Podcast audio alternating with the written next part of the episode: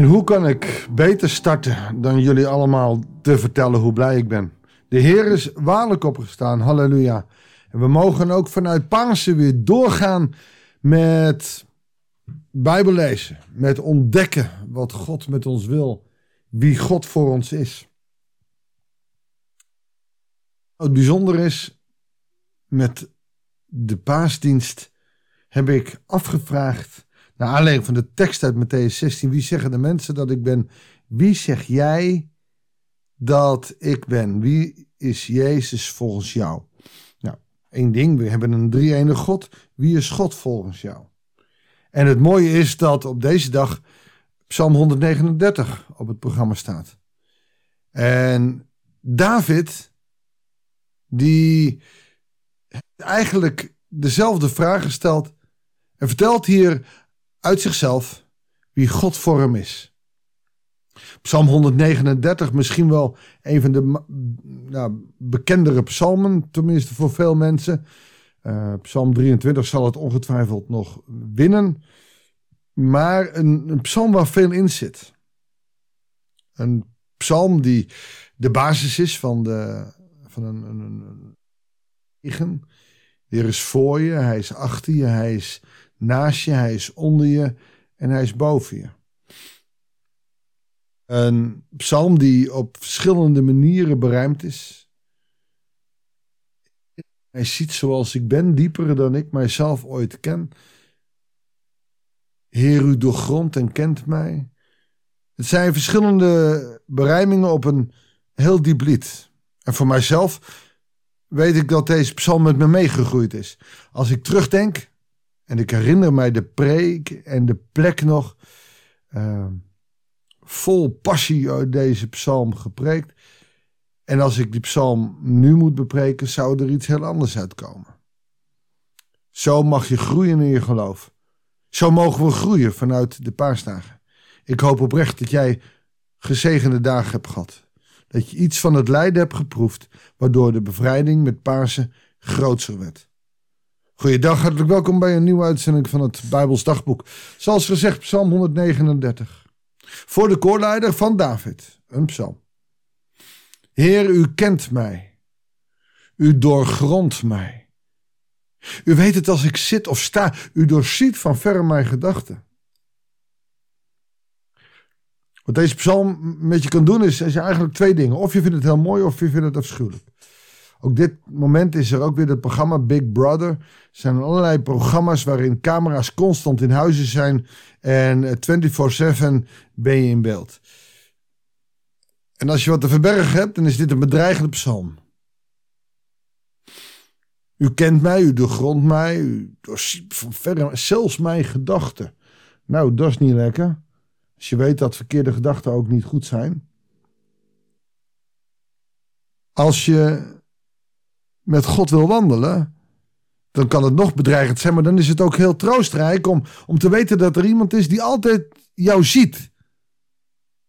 Die weet wat je doet, die bij je is.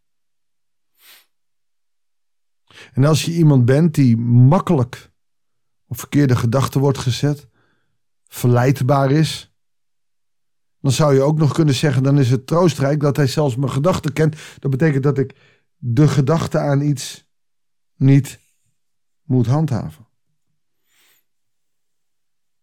Tweede mogelijkheid, de derde mogelijkheid, zijn de positiefste. En ik denk dat David hem ook zeer positief bedoelt. Heer, u bent er altijd bij. Ga ik op weg, vers 3, of rust ik uit, u merkt het op. Met al mijn wegen bent u vertrouwd. Geen woord ligt er op mijn tong of u kent het ten volle, Heer.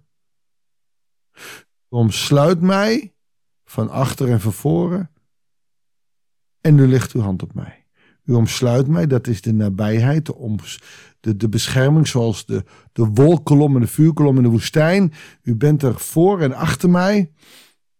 Dat is ook die zegen.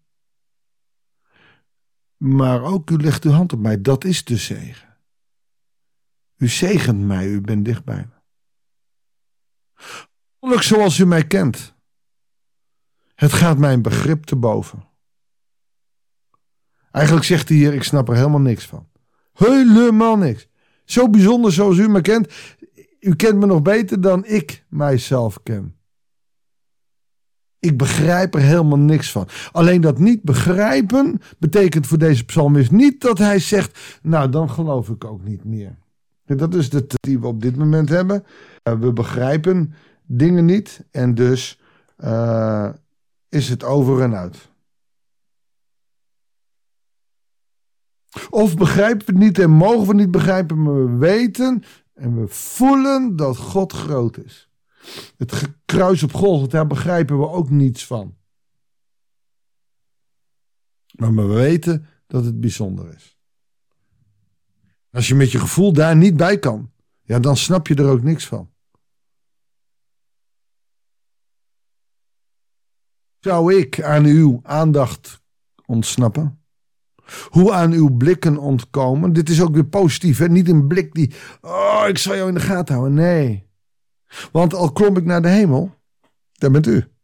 Al lag ik neer in het dodenrijk, u bent daar zelfs in het dodenrijk. Nou, dat kan niet, want daar is de duivel. Ja, maar Jezus is daar geweest. Hij, en God zal met me afdalen, want hij zal me daar nooit laten, want God heeft dood overwonnen.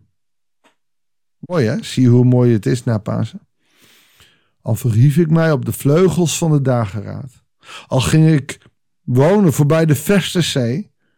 Ook daar zou uw hand mij leiden, zou uw rechterhand mij vasthouden. Nou, vleugels van de dageraad, oftewel ging ik, vloog ik met een adelaar over de hoogste berg heen. In de verste zee, weet je, er was nog niet eens zo ver, er was de Zwarte Zee. Het gebied van de Bijbel is helemaal niet zo groot als nu de hele aarde. Maar waar ik ook ga, uw hand zal mij leiden. Hij ervaart en, en voelt dat God altijd bij hem is en, en zijn leidsman is. Ach, zei ik, laat het duisternis mij opslokken.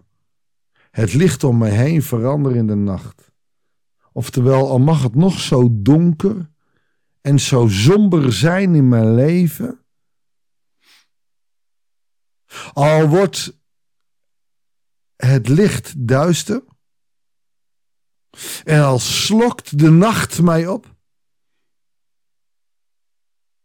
Ook dan zou het duister voor u niet te donker zijn om mij te zien. U kent. We kunnen. Niemand kan het zo donker krijgen of u bent als lichtdrager en niet bij. De nacht zou oplichten als de dag als u in de buurt kwam. De duister helder zijn als het licht, als u er bent. Want God is licht. God is het licht. Als je Genesis 1 leest, dan spreek je daar ook van.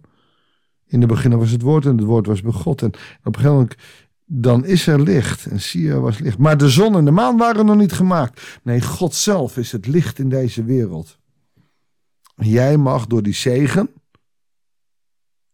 die hand op jou ligt, door zijn zegen, mag jij lichtdrager zijn. Door zijn opstanding mag jij lichtdrager zijn. Jij en ik moeten lichtdragers zijn. En door ons moet de duisternis minder worden. En dan hebben we het niet letterlijk over de duisternis, het gebrek aan zonlicht, maar de duisternis in deze wereld. Het verdriet, de pijn, de moeite, de zorg. En weet je hoe jij dat al, al een stukje lichter kan maken? Door eens te vragen, hoe is het met jou? Weet je, vanuit mijn werk, en mijn vrouw doet het ook, vanuit haar werk, vragen we aan anderen hoe het is en wat hen beweegt. En weet je hoe weinigen het doorvragen en terugvragen. Hoe weinig aan ons vragen en hoe weinig het gevraagd wordt, hoe is het met jou? En het antwoord kunnen we wel krijgen, zijn soms hele verhalen, maar nooit die terugvraag. Het is niet meer van deze tijd om te vragen hoe het is, want wij zijn ik gericht en met onszelf bezig.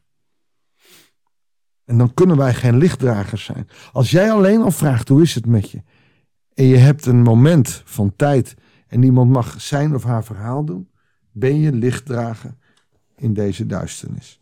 Zal ik daarvoor bidden? Heer, vanuit uw opstanding hebben wij het licht gezien. Bent u het licht? En weten we dat u door licht te zijn het donker heeft overwonnen. Maar u wil uw hand op ons leggen. U wil ons zegenen, ook met dat licht. Wij mogen lichtdragers zijn. Heere God, en een eenvoudige vraag hoe het is of kan ik je helpen, ligt al zo vaak niet meer voor de hand, maar is zo, zo diep voor mensen in deze tijd. Heer, help ons, ieder op onze eigen manier lichtdrager te zijn voor het koninkrijk van u. Dat bidden we u zo in deze dinsdag na Pasen. In de naam van ons Heer Jezus Christus, de opgestaande Heer. Halleluja. Amen. Ik wens je God zegen. Wees een lichtdrager als een gezegend mens. En misschien mag ik je zegenen met de zegen die ik heel vaak gebruik. De Heer gaat met ons mee. Hij zal voor je uitgaan. Om jouw pad te banen. Hij zal naast je lopen. Om samen met jou die weg ook te gaan. Hij zal achter je zijn. Om je te beschermen voor het kwaad. Hij zal onder je zijn. Om jou te dragen wanneer jij dat nodig hebt. Hij zal in je zijn. Om het licht in deze wereld door te geven. Hij zal boven je zijn om je te zegenen in de naam van de Vader, de Zoon en de Heilige Geest. Heel graag tot een volgende uitzending van het Bijbelsdagboek.